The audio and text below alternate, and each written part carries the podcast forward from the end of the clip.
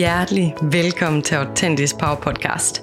En podcast, der sætter fokus på personlig udvikling, mindset, indre ro, selvværd, selvkærlighed og de helt store spørgsmål her i livet.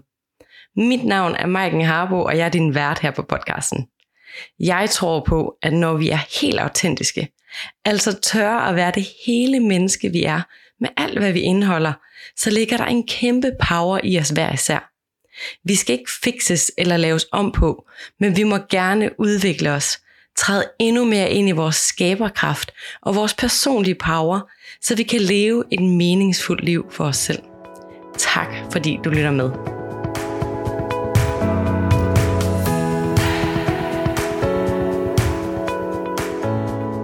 Hjertelig velkommen til, du skønne menneske. Lad os snakke om det, som du sikkert kender som impostersyndromet. Men for en god ordens skyld, så må jeg lige nævne, at jeg i den her episode vil referere til det som imposterfænomenet, da ordet syndrom kan være misvisende. Jeg forestiller mig, at rigtig mange, der oplever den her imposterfølelse, kan måske føle sig alene, eller virkelig kan føle, at det sådan er ægte, og øh, i den forbindelse har jeg bare lyst til at nævne, at der er lavet en undersøgelse, der viser, at mindst 70% af os vil opleve imposterfænomenet mindst én gang i livet. Så vi er ret mange, der kan støde på det her imposterfænomen i løbet af vores liv. Og øh, studier viser også, at det ofte er kloge mennesker med meget succes og høje ambitioner, der lider af den her imposterfølelse. Så hvis at det er noget, du kan genkende til, så velkommen til at være en del af klubben. Men hvor er det bare vigtigt, at vi ikke lader det styre vores liv. Jeg sidder her og får lyst til at sige, lad os snakke om alt det, der fylder, og bryde nogle tabuer, så vi alle sammen kan finde ud af, at vi ikke er alene, og vi mennesker er altså meget mere ens, end vi går og tror. Øhm, et grundlæggende træk i imposterfænomenet er, at du slet ikke har den samme opfattelse af dig selv og dine evner, som andre har. Og øh, lige præcis den del, tænker jeg, er virkelig vigtig lige at minde sig selv om. Det er ofte sådan, at andre kan se dig som et meget kompetent og dygtigt og intelligent menneske, som de kan have lyst til at rose og anerkende. Og så kan det være en følelse af, at du selv ser en masse fejl, eller en masse begrænsninger i din viden, eller din, de ting, du kan.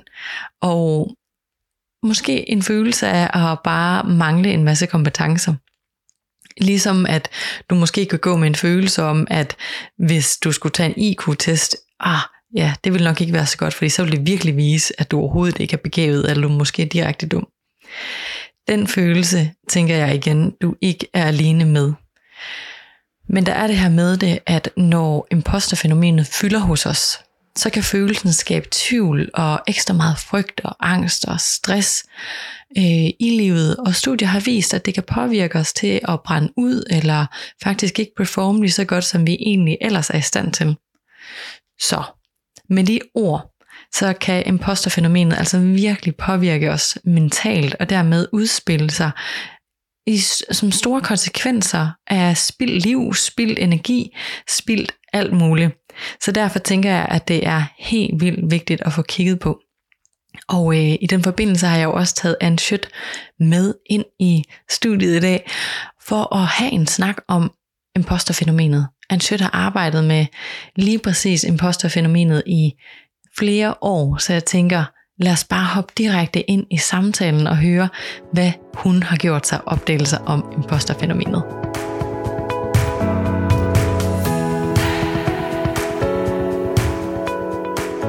Hjertelig velkommen til dig, Anshit. Det er virkelig dejligt, at du vil være med her i dag og dele noget om al din viden. Øh, jeg har jo præsenteret dig her i, i starten af episoden, men jeg kunne godt tænke mig, hvis du lige skulle sætte et ord på, hvem, hvem er Anne? Kunne du så ikke lige præsentere dig? Oh, jeg er mange ting, men øh, i den her sammenhæng, der er jeg dansk ekspert i imposterfænomenet øh, som jeg har hjulpet flere hundrede med øh, at få det bedre med, øh, siden jeg opdagede fænomenet og øh, også startede min virksomhed Potentialfabrikken tilbage i 2012. Så det er altså over 11 år, jeg har arbejdet med det her og læst en masse forskning, Og, øh, og når man arbejder med imposterfænomenet i, i sådan den kontekst, så hedder det altså imposterfænomenet, fordi at det var Pauline Clance og Susan Imes, der tilbage i 1970'erne øh, opdagede det. Øh, og da jeg i 2015 fik Pauline Clances tilladelse til at oversætte øh, den her Clance Imposter Phenomenon Scale til dansk, så var det meget vigtigt for hende, at det ikke var et syndrom, men at det var øh, et fænomen. Altså ikke en diagnose eller noget, men sådan, som sådan fejlede. Øh, det er et fænomen, som kan ramme rigtig mange, og øh, ifølge en anden meta-undersøgelse, så har 70 procent oplevet det i en eller anden grad. Men altså, ja, selvfølgelig har, har man oplevet, at der er noget, man kan være usikker på, og noget, man kan være bange for ikke vil lykkes for en. Øh, men det er ikke det samme som, at man er ramt af det her imposterfænomen. Ej, og det er jo en helt vildt god pointe, for jeg synes, når man hører om det sådan ude i, i verden, skulle til at sige, eller bare ude i dagligdagen, jamen så, så er det jo kendt som imposter-syndromet. Så det er super fedt lige at få sat nogle ord på, så vi lige kan finde ud af, hvad hulen er det lige. Og nu vi er i gang med den samtale, kunne du så ikke sætte lidt ord på, sådan, hvordan kan det egentlig opleves, hvis man nu skal tænke, hmm, kan vide, om jeg har, har noget af det i mig, eller oplever det? Hvordan kan det så komme til udtryk? Ja, det kommer til udtryk på mange forskellige måder, synes jeg. Øh, og i mange grader også. Øh, det letteste måde at finde ud af det på, det er egentlig at gå ind og tage øh, impostertesten og svare på de der 20 spørgsmål. Fordi så får man tal, og så kan man se, hvor slemt det er. Eller om man egentlig er over... altså hvis man scorer under 40, så er man ikke ramt af det. Og man kan højst score 100. Og dem, der kommer til mig, det er typisk dem, som scorer øh, 80 plus. Øh, og som i deres hverdag er meget hæmmet af det, fordi de konstant sammenligner sig med andre, og har rigtig høje forventninger til deres egne præstationer, og derfor også kan være ekstra bange for at fejle. Øh, eller øh, de kan have en oplevelse af, jamen det her det er jo nemt, og det er nemt for alle. Øh, så det er jo ikke noget særligt. Så når folk roser dem eller anerkender dem for et eller andet, så er de tilbøjelige til bare sådan, nej, ja, nej, det var ikke noget særligt. Og slå det hen. I stedet for at tage imod den ros og anerkendelse, de får, det har de faktisk svært ved. Det er en del af det. Ja, og ja, jeg, jeg får sådan lyst til at sige sådan, at så, så burde det måske være nemt nok at kunne se, om det var noget, man sådan, kan man sige, døjer med, eller noget, der sådan er en del af ens liv. Men i virkeligheden er vi så ikke enige om, at når man går med det her, så tænker man måske også sådan, sådan, ah, imposterfænomenet, det har jo ikke noget med mig at gøre, fordi jeg er jo virkelig ikke god nok til det her, eller jeg synes jo virkelig ikke, at jeg gjorde det godt nok her, eller sådan, giver det mening, at det så måske sådan kan være svært overhovedet at tænke, at hmm, kan jeg vide, om det kunne være en ting? Ja, øh, ja der, der er flere øh, elementer i det, eller der kan være flere årsager til det der, fordi der, en årsag kan være, at man netop, ligesom du siger, tænker, at det er ikke det. Er ikke det. Altså, jeg er virkelig ikke ret god. Og så hænger imposterfølelserne sammen med et lavt selvværd, eller lavt selvtillid, eller begge dele. Øh, og det, det er det typiske. Øh, men man kan også nogle gange, øh, altså man kan nogle gange, der er dem, der jeg kalder imposter-imposter, fordi at de kan være i tvivl om, om de overhovedet er ramt af det, fordi at det kræver jo, at man er sådan og sådan. Og det synes de jo ikke, de er. Mm. Øh, altså, så det, det, der sådan grundlæggende ligger bag ved imposterfænomenet, det er, at man ikke har en realistisk selvopfattelse. Så man kan ikke sådan forstå, hvad det egentlig er, man er god til, eller hvad man er mindre god til. Man har bare en oplevelse af, at man ikke er særlig dygtig, ikke er særlig kompetent, og det er da kun et spørgsmål om tid, før de andre finder ud af det. Mm. Ja. Imposter, imposter. Den har jeg alligevel ikke hørt før, men, øh, men jeg kan godt ikke genkende til den. Jeg husker, dengang jeg gik på, på universitetet, øh, der fik øh, 10 og 12 i nogle gruppeopgaver, og jeg kan huske, at jeg havde den der, ej, det var da også forfærdeligt, fordi min gruppe havde jo båret mig igennem. Øh, og det var da vildt nok, det ville have mig med i gruppen, så begyndte jeg at have nogle opgaver, hvor man skulle skrive alene. Der fik jeg sjovt nok de samme karakterer. Så blev det sådan lidt sværere at forklare sådan, hmm, nå, men så måtte jeg jo have snydt. ja. ja. ja. Og, og det er, altså, jeg, grunden til, at jeg sådan øh, kom, jeg arbejder jo også til daglig med de her 10% bedst begavet. Og grunden til, at jeg straks kunne se, jamen det her imposterfænomen, det må da især ramme de her mest begavede og mest dygtige. Øh, hvilket ikke altid er det samme. Altså de, de højt begavede og velbegavede kan sagtens være dogne, øh, eller øh, altså mange af dem, der er mest begavede, de har ikke lavet lektier i folkeskolen, og så rammer de uren på et eller andet tidspunkt, hvor der lige pludselig skal laves lektier og trompes om til de der forelæsninger osv. Øhm, men, men for eksempel, hvis man nu er super god til matematik, så, så øh, kan man jo have den der oplevelse af, at nu har man så løst opgaverne til den der eksamen efter to timer eller to og en halv time. Øh, og så sidder man og regner det efter og tænker, jamen der må der være noget galt, der må være noget, jeg har misforstået, fordi øh, det kan ikke passe, at jeg allerede er færdig nu. Og så når man efterfølgende taler med nogle af de andre øh, forholdet, jamen så bliver det endnu værre, fordi så tænker man, nej, men, men de andre synes, det er jo svært. Så har jeg dem misforstået noget, så må jeg have snydt. Ikke? Og det der snyd, det er helt klart det, der hænger sammen med imposter følelserne. Altså at man har en indre oplevelse af at bluffe og stride. Ja, ja. Og det er, ja, der kan jeg jo kun selv skrive på de gange, jeg har oplevet det. Jeg havde virkelig problemer med det i skolen. Altså, at det virkelig var den der følelse at man havde snydt. Ja, ja. Jeg sidder i hvert fald sådan og, og tænker, at det er jo vildt spændende at få sat nogle ord på det, og få kigget på det her fænomen, for netop at dem, der sidder derude og har den her følelse, kan, kan blive spejlet, og måske også sådan kigge, hmm, er der noget, jeg kan gøre ved det her, i stedet for at, at have den følelse, jeg har inde i? Så kan vi måske sådan kigge på, hmm, hvem, hvem rammer det egentlig ofte, så hvordan kan vi lige sådan få lidt flere sat nogle ord på, så, så den, der lytter med derude, måske kan blive spejlet i, hvis man sidder med netop med det her problem? Altså, det rammer jo flere forskellige, vil jeg sige. Øh, altså, som sagt, så rammer det dem, der har lavet selvværd, øh, og øh, lav selvtillid. Fordi de virkelig kan komme i tvivl om, hvorvidt, øh, altså dem med lavt selvværd, de kan komme i tvivl om, hvorvidt andre mennesker overhovedet kan lide dem. Og øh, i særdeleshed, så kan de komme i tvivl om, om andre mennesker kunne lide dem, hvis det var, de kendte dem. Så de kan være bange for, at andre mennesker skal lære dem at kende, fordi så vil de da først synes, at de er helt forfærdelige, eller ikke, øh, at de er kedelige og ikke er værd at være venner med. Øhm, så det det lave selvværd, det er oplevelsen af ikke at være god nok, som man er.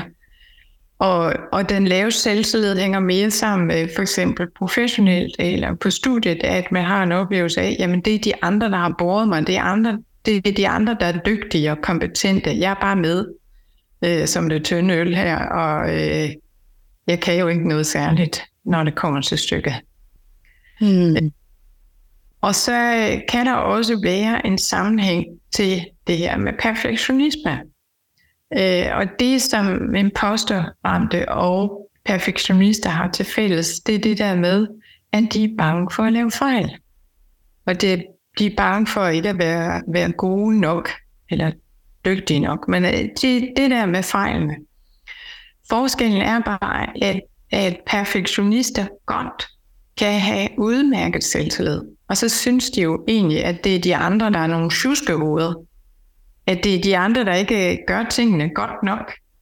Øh, I personlighedstesten, så kan man se person, øh, eller personer, der er perfektionistiske, at de har en høj ansvarsfølelse, så de er sådan tilbøjelige til at påtage sig ansvaret for alle mulige opgaver.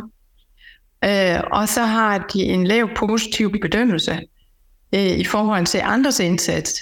De er simpelthen ikke imponeret, for at sige det mildt. Øh, de synes egentlig, at de kunne gøre det meste bedre selv. Og så scorer de typisk højt på øh, detaljer eller ordenssans eller planlægning. Øh, så de faktisk har mere styr på detaljerne, eller strukturen, eller planlægningen, end de andre har. Og så ender perfektionisterne med at have alt for mange arbejdsopgaver. Men imposterramte, de har jo mere en oplevelse af, øh, jamen det her, det har jeg ikke gjort godt nok, så nu må jeg hellere lige dobbelttjekke og trippeltjekke, øh, at jeg ikke har lavet fejl. Øh, jeg havde en, en klient på et tidspunkt, der var øh, vandet der i, øh, i gang med at blive uddannet øh, advokat, vigtigt. Og han havde det bare helt vildt redselsfuldt, hver gang han fik noget retur fra en af sine forsatte, fordi at så var det jo fyldt med røde streger og rettelser. Og det var jo helt umuligt for ham at lave noget, der ikke blev rettet. Og derfor var det heller ikke specielt sundt for ham at arbejde med det, fordi der var så mange detaljer. Så, så hvis man er perfektionistisk anlagt og øh, samtidig meget øh, imposterramt, så er det faktisk ret lidelsesfuldt. Ja, og det jeg lidt hørt dig sige også, det er også det her med, hvordan at det faktisk både kan gå ud over det professionelle, altså ens arbejde, men også ens øh, hvad kan man sige, privatliv, når det handler om den anden del også, som du snakkede om, det her med, oh, kan de overhovedet lide mig? Skal de overhovedet lære mig at kende? Er jeg overhovedet god nok der? Så kan det egentlig blive sådan ret hårdt at være til, når det kan gå ud over så mange aspekter af ens liv, ikke? Jo, helt klart. Og dem, der har lavet selvværd, de lider jo mere øh, i privatlivet.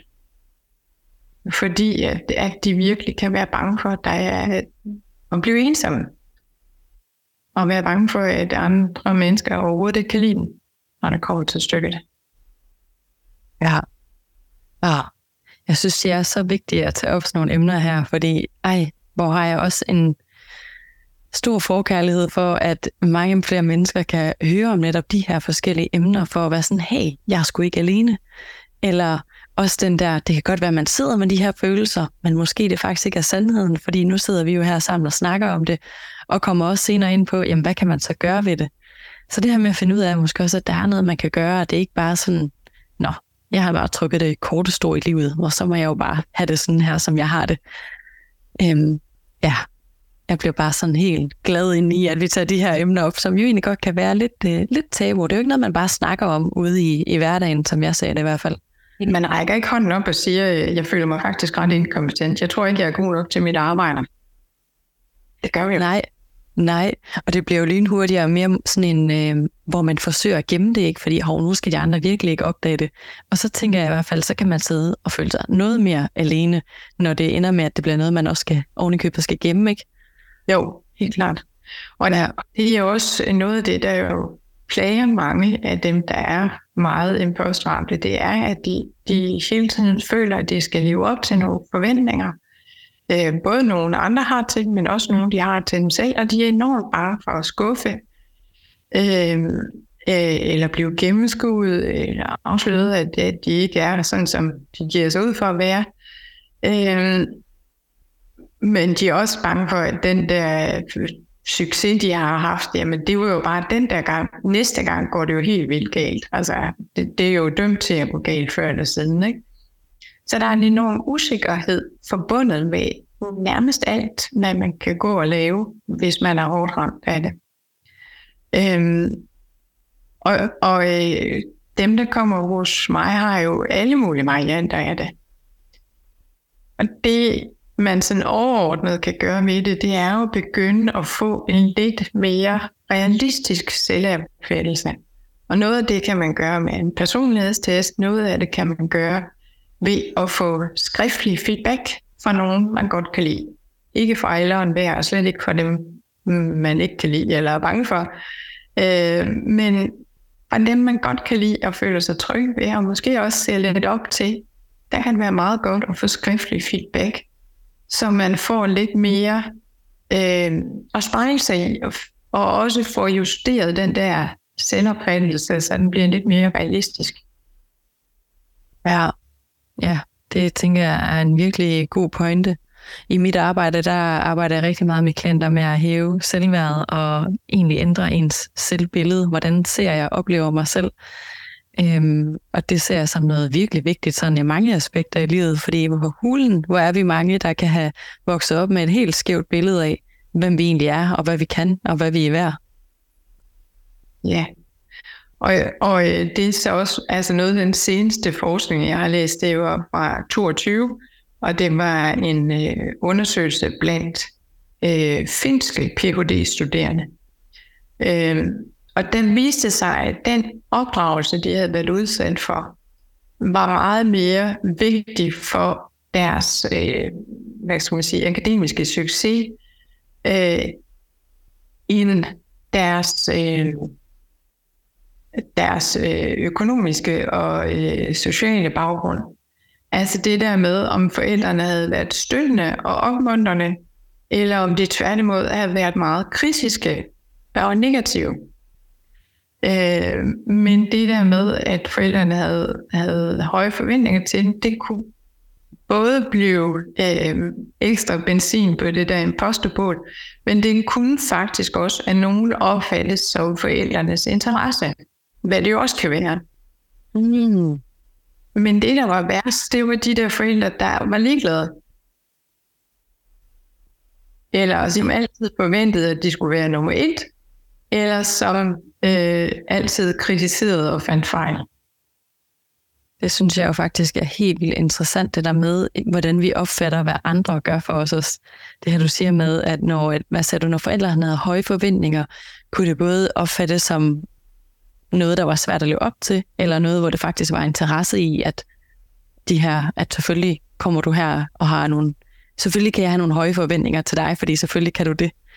Øh, det synes jeg er jo vildt interessant, at så er man jo egentlig et menneske, der kan vokse op i den samme familie. Man kan jo være søskende og have haft den samme opdragelse, i hvert fald tæt på, ikke? Og så virkelig have fået to vidt forskellige opfattelser, og derfor også gå ud i livet på to vidt forskellige måder, når det lige handler om, om følelsen.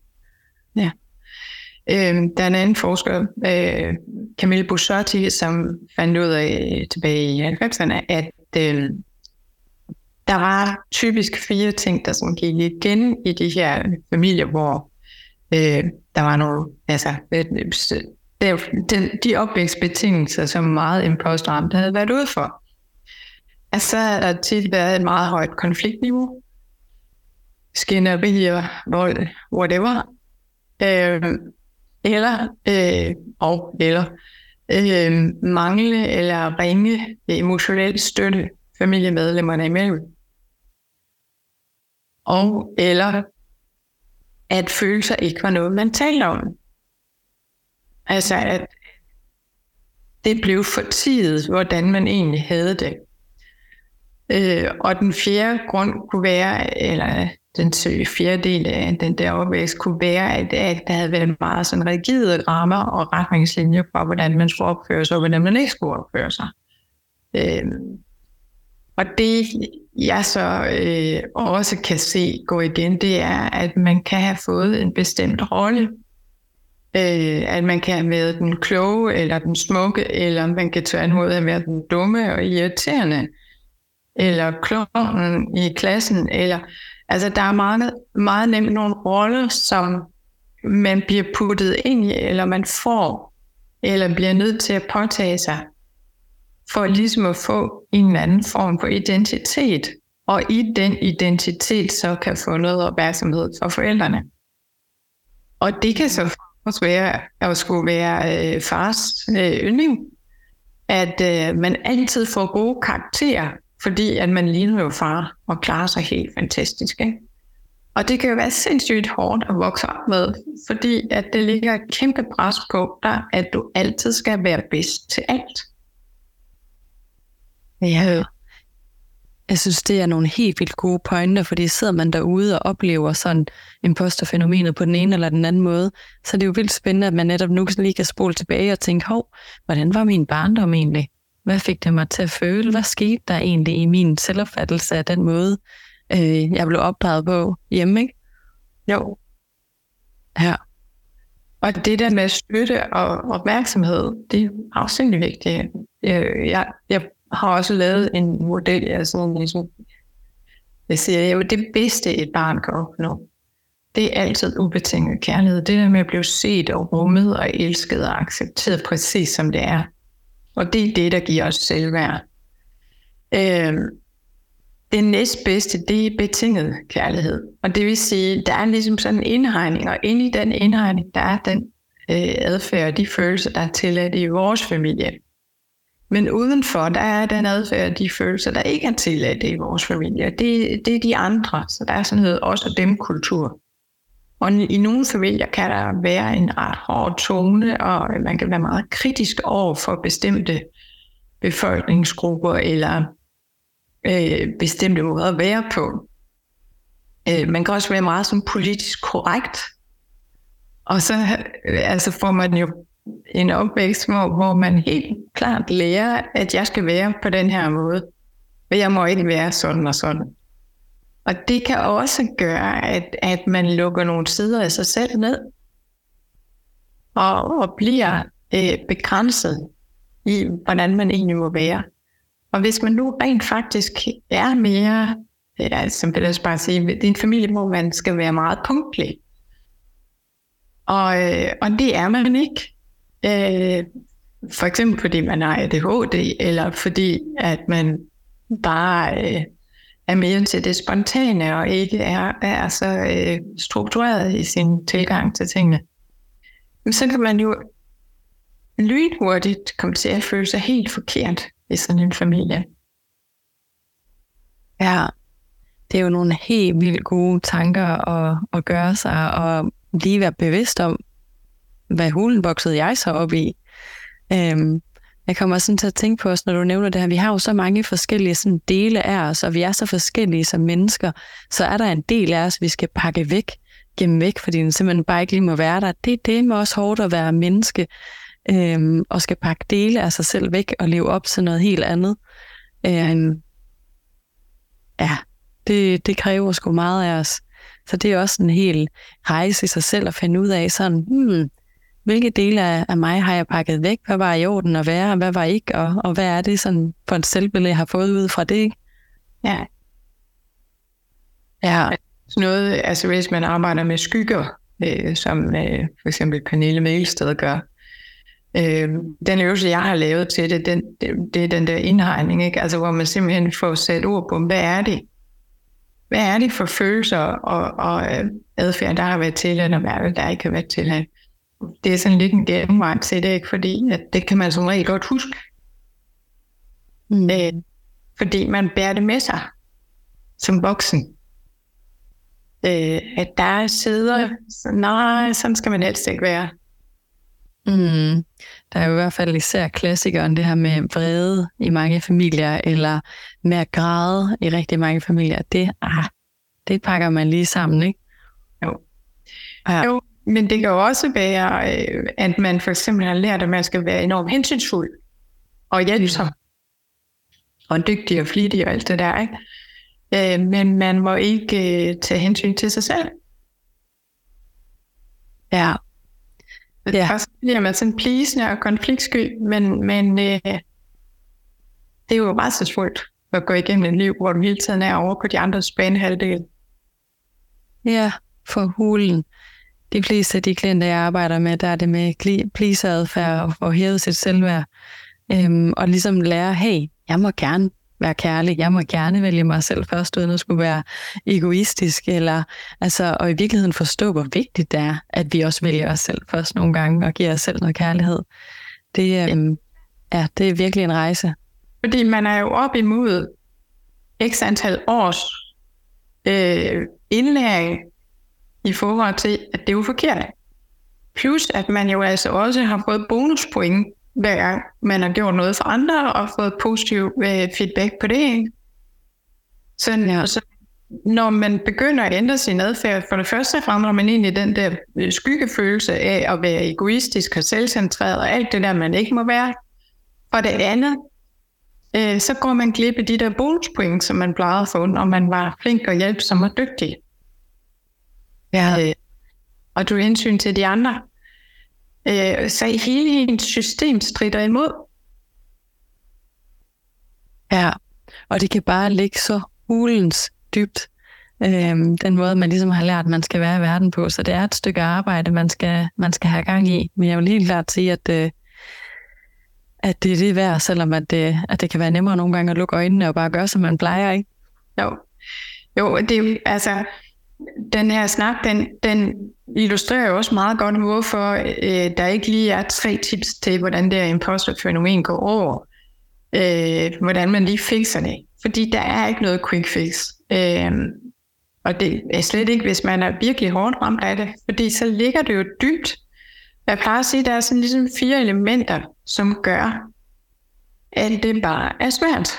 Og det første element det ligger i personligheden og alt det, vi har med os af erfaringer og traumer, og øh, men det er også den der høje IQ, eller at man er introvert, eller ekstra sensitiv, eller hvad det er.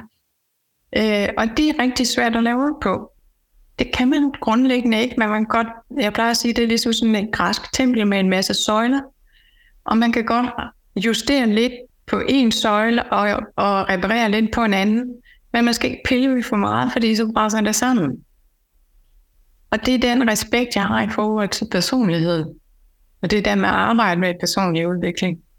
Og det andet øh, vigtige element, det er vores relationer. Og det er jo så typisk til forældre og søskende. Øh, og dem lever vi så videre med øh, og får øh, levet ud igennem vores partner og vores kolleger osv øh, at det er de samme, øh, vi møder igen og igen, og det fungerer ligesom et tandhjul. Øh, men når man begynder at arbejde med sig selv, så svarer det til, at man trænger tandhjulet til sig. Og så kan de andre grundlæggende reagere på, på tre måder. Enten så, øh, så går de helt i selvsving, fordi man ikke er her til at give dem modspil. Eller også så gør de, hvad de kan for at trække en tilbage. Øh, eller også øh, begynder man at have nogle gnidninger, fordi at tandhjulen ikke rigtig passer sammen længere. Så er en, en, en fjerde ting, der også kunne ske, øh, at man selv går i selvsving. altså fordi man ikke får det modspil, øh, man, man plejer at få. Øhm, og den tredje ting, det er vores mønstre. Og det er så både vores handlingsmønstre og vores tankemønstre. Og øh, imposterfænomenet er i høj grad negative tankemønstre, hvor man går og siger nogle dumme ting til sig selv, og slår sig selv i hovedet med, at men jeg er også tyk og grim og kedelig, og øh, jeg ved ingenting, og jeg har ikke noget bidrag med, og øh, de andre synes dit og dat. Øh, og, og øh, man kan også have nogle handlingsmønstre, som svarer lidt til at løbe den forkerte vej op ad rulletrappen. Altså, og så sker det samme hver gang. Øh, og det er hårdt, og det er slidsomt, men man har simpelthen ikke fået øje på den anden rulletrap, øh, der bare glider stille og roligt opad. Og det kan der jo være alle mulige grund til, men typisk er det noget, øh, man har lært i sin opvækst eller i sin skolegang. Jamen det her, det var sådan, jeg var nødt til at øh, håndtere situationer, fordi at alternativet var mere. Det er altid værre at blive ekskluderet af gruppen. Uanset om det er ens familie, eller det er ens klassekammerater. Ensomhed, det er noget af det værste. Og et lille barn kan jo så heller ikke overleve uden sine forældres omsorg og opmærksomhed. Øhm, og den fjerde, når man arbejder med de der første tre, jamen, så kommer frygten. Og det er jo frygten for, for at blive forladt. Frygten for ikke at blive elsket, som man er. Øh, frygten for ikke at være god nok, for at blive fyret. Og, ja, altså, øh, dybest øh, nede, så kan man have frygten for at blive hjemløs, altså, øh, og, og ende sit liv øh, så, som posedame, eller, eller noget tilsvarende, fordi at man har den der tvivl på, at andre kan rumme en og elske en, så som man er. Ja, ej, og det er jo nogle store ting, altså, og det kan være, når vi bare snakker om det oppe i hovedet, kunne til at sige med bevidstheden, så er det nemt nok at snakke om det, og det er jo bare, men de der følelser og frygt og sådan noget, som bare kan styre hele ens indre og bare føles så ægte, det er jo ikke til at spøge med. Og ja, det er også derfor, jeg tænker, at, at når man skal arbejde med sådan noget som imposterfænomenet for eksempel, altså, så er det jo virkelig vigtigt, at man har nogen udefra til at støtte en i den proces, så man ikke står med det alene. I hvert fald som jeg ser det. Ja, Ja, og så også en respekt for, Øh, altså, der er en del af dem, der kommer hos mig, som jo var gået til psykologer og coaches, og hvad de nu er altså gået til. Øhm, og, og de har både mødt nogen, der var dygtige og, og kunne hjælpe dem, og så har de også mødt nogen, der ikke vidste, hvad de snakkede om, eller i hvert fald ikke havde for, forstand på imposterfænomenet, eller det, der var deres øh, udfordringer. Øhm, og hvis man ikke forstår det her imposterfænomen til bunds, hvis man ikke ligesom selv har oplevet det, eller haft en del af det, jamen så, kan det, så kan man nemt forledes til at tro, jamen det handler jo bare om, det er jo bare fordi, og du skal jo bare gøre sådan og sådan. Men det kan man jo ikke. Altså, hvis man kunne, så havde man da gjort det for lang tid siden. Ja, så havde man det med der gjort noget selv, hvis man bare lige kunne tænke anderledes, eller bare lige x, y, z, ikke? Bare tro noget mere på dig selv. Øh, jo, det kan du da sagtens sige. Ja, ja. Jeg bliver så nysgerrig på, Anne, om du selv har døjet med imposter, eller om du måske stadigvæk gør det, hvordan det sådan har været i dit liv? Øh, indimellem, og, og, øh, og det er så sådan en øh, farlig mindeværdsfølelse, jeg godt kan blive ramt af en gang imellem. Men det var, jeg havde ikke overhovedet øh, noget øh, imposter-fænomen, dengang jeg var øh, Human Resource Manager, fordi der havde jeg jo en uddannelse, øh, HD i organisation og ledelse, og jeg havde en masse erfaring, og, og praktisk øh, og havde jeg arbejdet med det og så videre, og gjort karriere som manager. Det øjeblik, jeg så blev selvstændig, og skulle definere min egen virksomhed, og hvad jeg skulle lave, så var jeg på herrens mark. Og hvad var det egentlig, jeg kunne? Og hvad havde jeg bydet ind med? Øh, og jeg var jo hverken coach rigtigt, eller øh, psykolog, fordi nej, det, havde, det må, jeg ville gerne læse psykologi, men øh, øh, det der med at, at komme igennem gymnasiet, det, det var simpelthen så rædselsfuldt og kedeligt. Så altså, øh, jeg fik altså ikke det der snit på 10, man skulle have. Øh, og det ene med det andet, så kan man jo sagtens som voksen stå og tænke, ej altså, jamen hvad, hvad kan jeg så egentlig? Og så have, have mindreværdsfølelser en professionel, ikke? Ja, men jeg synes, det er vildt interessant, det der med, at du siger, at sådan havde jeg det ikke før, men så har jeg lige oplevet det på et tidspunkt i mit liv. Og det er jo også vildt spændende, det her med, at det jo faktisk er noget, der kan, kan ramme os lige pludselig, hvis man skifter branche, eller øh, hvis der sker et eller andet i ens privatliv. Ikke? Altså sådan, at det er en, måske en dynamisk ting, men det ikke er noget, enten har du det her, eller også har du det ikke, eller, eller også har du det hele liv, og så er det bare sådan der. Så det er meget spændende, at, at, at vi lige får lidt respekt for, at, altså, at det kan komme til udtryk på forskellige måder og forskellige tidspunkter i vores liv. Ja, og så kan man også have nogle blinde vinkler. Øh, jeg har altid været god til at skrive, men det har jeg egentlig ikke sådan tænkt over. Jeg har bare tænkt, at det gør jeg jo bare. Og jeg havde også en samfundsfagslærer, der synes, jeg skrev nogle forfærdeligt lange øh, samfundsfagsrapporter. Man kunne bare lade være med at give mig en for.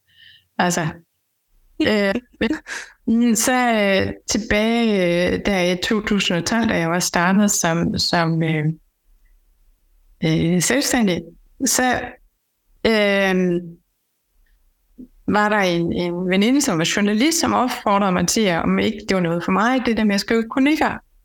Og, og hun var journalist, så, så, så øh, hun havde en vis baggrund for at, at kunne sådan, øh, spare med mig omkring det. Og det prøvede jeg så, og jeg sendte så efter hendes feedback og rettelse og så videre, så sendte jeg den så til, til Jyllandsposten og til Berlingske, og jeg fik bare nul respons. Og så nogle måneder senere, så i marts, slutningen af marts måned, så, så var jeg tilfældigvis til en, en privat fest, hvor jeg så kom til at sidde ved siden af en journalist og sidde og snakke med ham om de der øh, øh 10% bedst begavede, jeg arbejdede med, og det ene med det andet. Og, og så ender han med at sige, du skal skrive til mig. Øhm, og så øh, har han ikke lige et visitkort, så han får en sms med hans mail, og øh, og mandagen, så tænker han, at jeg kan jo altid sende de der to øh, øh, skriverier, jeg havde lavet der. Og, øh, og og det, altså, det var sådan fuldstændig uden forventninger, fordi min mand, han synes jo faktisk, at jeg havde været meget sådan hård og kritisk i de der indlæg. Der. Han synes jo ret negativ. Øhm, og så øh, om tirsdagen, så skriver han så tilbage, at han var sgu meget begejstret, og han havde sendt det videre til deres blogchef. Øh, og torsdag står jeg ude i, i Ejby øh, Industrikvarter og, øh, og får en opringning fra, fra Agnete der, som er blogchefen. Og, og inden jeg kom hjem på min cykel, så er jeg blevet antaget som erhvervsblogger på Jyllandsposten. Og det var sådan lidt out of nowhere. Og, og, og med den der følelse af, at jeg var bare heldig. Ikke? Og det var bare mm. tilfældigt. Og det er et andet element i det her imposter-fænomen, det er, at man kan føle, jamen det, var, det var da bare tilfældigt, det var timing, det var held, det var bare fordi, jeg var det rigtige sted på, på det rigtige tidspunkt med de rigtige mennesker. Jamen, det så det først nogle måneder senere, jeg så, så kom til at snakke med en gammel gymnasiekammerat, som havde været blogger på Jyllandsposten, og helt vildt gerne ville være det igen. Men det kunne han ikke. Og så var det først der, det gik op for, når okay, det er ikke sådan noget, alle kan blive. Altså, altså, var sådan, altså man kan virkelig have nogle blinde vinkler i forhold til, hvad man egentlig er god til. Ikke? Ja, og det synes jeg er virkelig interessant, ikke? den der med, at man kan komme til at fortælle sig selv, øh, det som du siger der, men det var nok det her tidspunkt, og det var lige de rigtige mennesker, der, der, der. Nå ja, ja, men det kan vi da godt sige, det var. Og hvis det nu var det, og du skrev forfærdeligt, så havde du sgu nok ikke fået det, selvom du lige havde mødt de rigtige mennesker, ikke?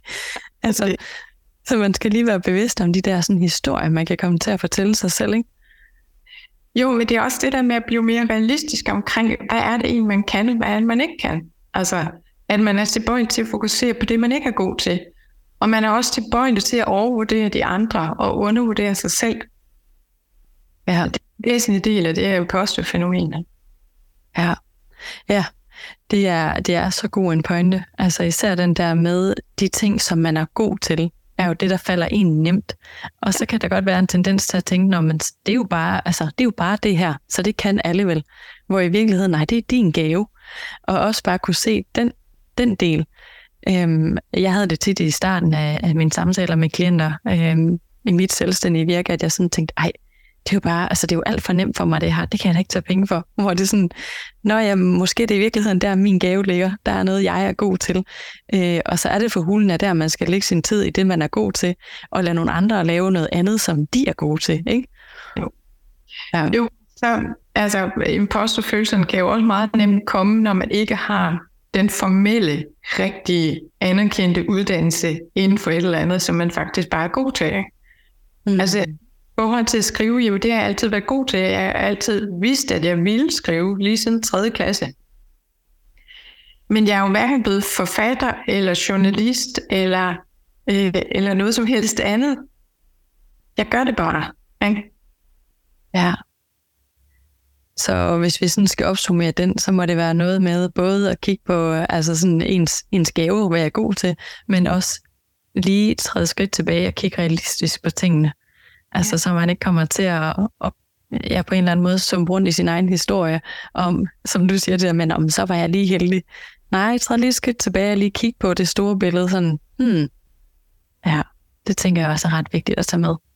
Ja, og, og se, så øh, også øh, kan anbefale, det er, at man laver sådan en lille succesliste til sig selv, eller en folder i sin mail, hver gang man får noget positiv respons. At man begynder at dokumentere, hvad man egentlig er god til. Øh, fordi hvis folk bare siger det, så er man tilbøjelig til at overhøre det, eller glemme det. Ja, det er også en rigtig god pointe. Uh, altså, man kunne jo også, det tror jeg også, du nævner på et tidspunkt, at man lige hører dem omkring en. Hvad ser du egentlig, jeg er god til? Hvad ser du i mig? Og så lige få noget inspiration der også. Nå, men du er helt vildt god til at, det ved jeg ikke, netværke, et eller andet, ikke? Ja. Altså, det er sådan noget, at de fleste imposterramte har rigtig svært med, når, når de får den hjemmeopgave, at de skal have skriftlig feedback af 6-10 personer. De er ved at dø, når de skal skrive til nogen, at uh, de gerne vil have feedback. Ikke? Fordi de føler virkelig, at de belemmer de her folk. Ikke? Ja, og hvad nu, hvis der ikke er nogen, der har noget at skrive om en? Øh. Ja, eller de kan tænke om noget positivt, eller, eller de bare ikke har tid, eller synes, det er noget pjat. Ja, altså. ja, ja. Men, men så kan man jo gøre det enkelt og sige, jamen, kan du ikke lige uh, give mig tre til fem ord på, hvordan du oplever mig, og så hvis du kan have det inden, inden den og den dato. Altså, så gør man det enkelt for dem, ikke? Ja. Så må man gerne bruge mig som undskyldning og sige, jamen det er hende, der er en skyld, som siger, at jeg skal have noget skriftlig feedback. Det er simpelthen en opgave, jeg har fået her. her. Det er i hvert fald, øh, jeg kan i hvert fald kun øh, tale for mig selv, når vi lige sidder og snakker her, og, og sige, at det arbejde, jeg i hvert fald personligt har lavet, har virkelig været altså, det hele værd og en kæmpe rejse, fordi åh, det der med at være fanget i, og jeg vil nok våge sige imposter, imposter, det er godt nok bare hårdt og energikrævende. Øhm, og jeg vil også våge at påstå, at det tog en hel del af min livskvalitet. Så det der med lige at lave det her stykke arbejde og turde kaste sig ud i det, det, øh, det kan virkelig varmt anbefales. Ja. ja. Og nogle gange skal man samle sig ud, og nogle gange skal man have nogen, der støtter en i den der proces. Øh, vi har jo skrevet en bog, øh, Rebecca Knudsen, en af mine tidligere klienter og jeg, vi har skrevet den her bog, øh, øh hvad hedder imposterkomplekset, slip dit faglige mindre værd. Øh, og hvis man scorer mellem 60 og 80 i impostertesten, så kan man faktisk nå rigtig langt ved at læse den bog og få den der, altså øh, også fordi Rebecca skriver forrygende, og det er virkelig underholdende og, og sjovt at, at høre hendes øh, variant af, af det her imposterfænomen. Øhm, og så bidrager altså med, med noget faktuelt omkring det her. Men øhm, man kan nå meget langt ved for det første at være bevidst om det og reflektere over det. Og så kommer det der med at begynde at ændre sine handlinger, og det kan godt kræve tilløb, ikke? Mm. Og så kræver det så i øvrigt også vedholdenhed. Men hvis man skruer over 80, så er det noget, der fylder så meget i ens liv, så det er rigtig svært at lave om på. Og så kan det være noget af ens personlighed og så videre, og derfor anbefaler som at man får, får hjælp der. Ja. Det er godt, hvis det er en, der enten ved en farlig masse om det, øh, og, og man kan starte med at gå efter dem, der kalder det imposterfænomenet, fordi de er så også kender til noget af forskningen omkring det. Ja. Og Anne, jeg tænker sådan helt afslutningsvis her, kunne du ikke tænke dig lige at dele, hvornår føler du dig allermest autentisk i dit liv? Det kan for eksempel lige nu. Altså, ja. Hvor jeg lidt dele noget af det, jeg brænder for. Wow. Ja. Ja. Jeg står ude på min altan og spiser øh, mit daglige hindbær lige for tiden. Jeg har efterårs hindbær. Og, Ej, hvor dejligt. Og når jeg hører musik, der er sammen med min store dreng. Der er mange situationer, der er mange dejlige øh, situationer i livet. Og dejlige. Ja. ja, tak fordi du deler. Og tusind tak, fordi du ville være med og dele al din viden her med os i dag. Det er så værdsat. Det er jeg glad for, at jeg kunne.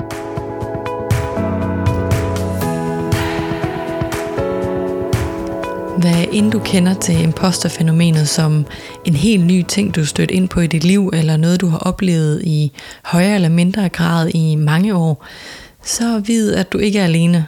Vi er altså som nævnt omkring 70% af befolkningen, der oplever det her imposterfænomen før eller siden i livet. Så det er altså i høj grad en del af det at være menneske.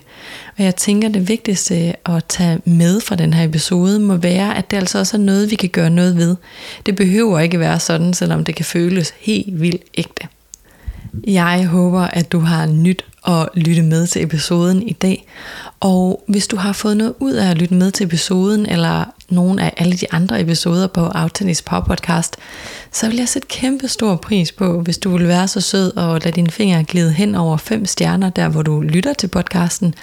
Det betyder nemlig, at podcasten kan få lov til at nå ud til endnu flere mennesker og kan blive ved med at udkomme med episoder. Måske en dag, at du også kunne have lyst til at skrive en review af podcasten, så andre kan se, at den faktisk er værd at lytte til. Og til dig, der allerede har skrevet en review og swipet dine fingre hen over de fem stjerner, vil jeg bare sige af hjertet tak. Det betyder nemlig, at podcasten kan komme ud til endnu flere mennesker med dens budskaber. Og øh, i mellemtiden, så vil jeg bare ønske dig verdens dejligste dag. Tak fordi du lytter med.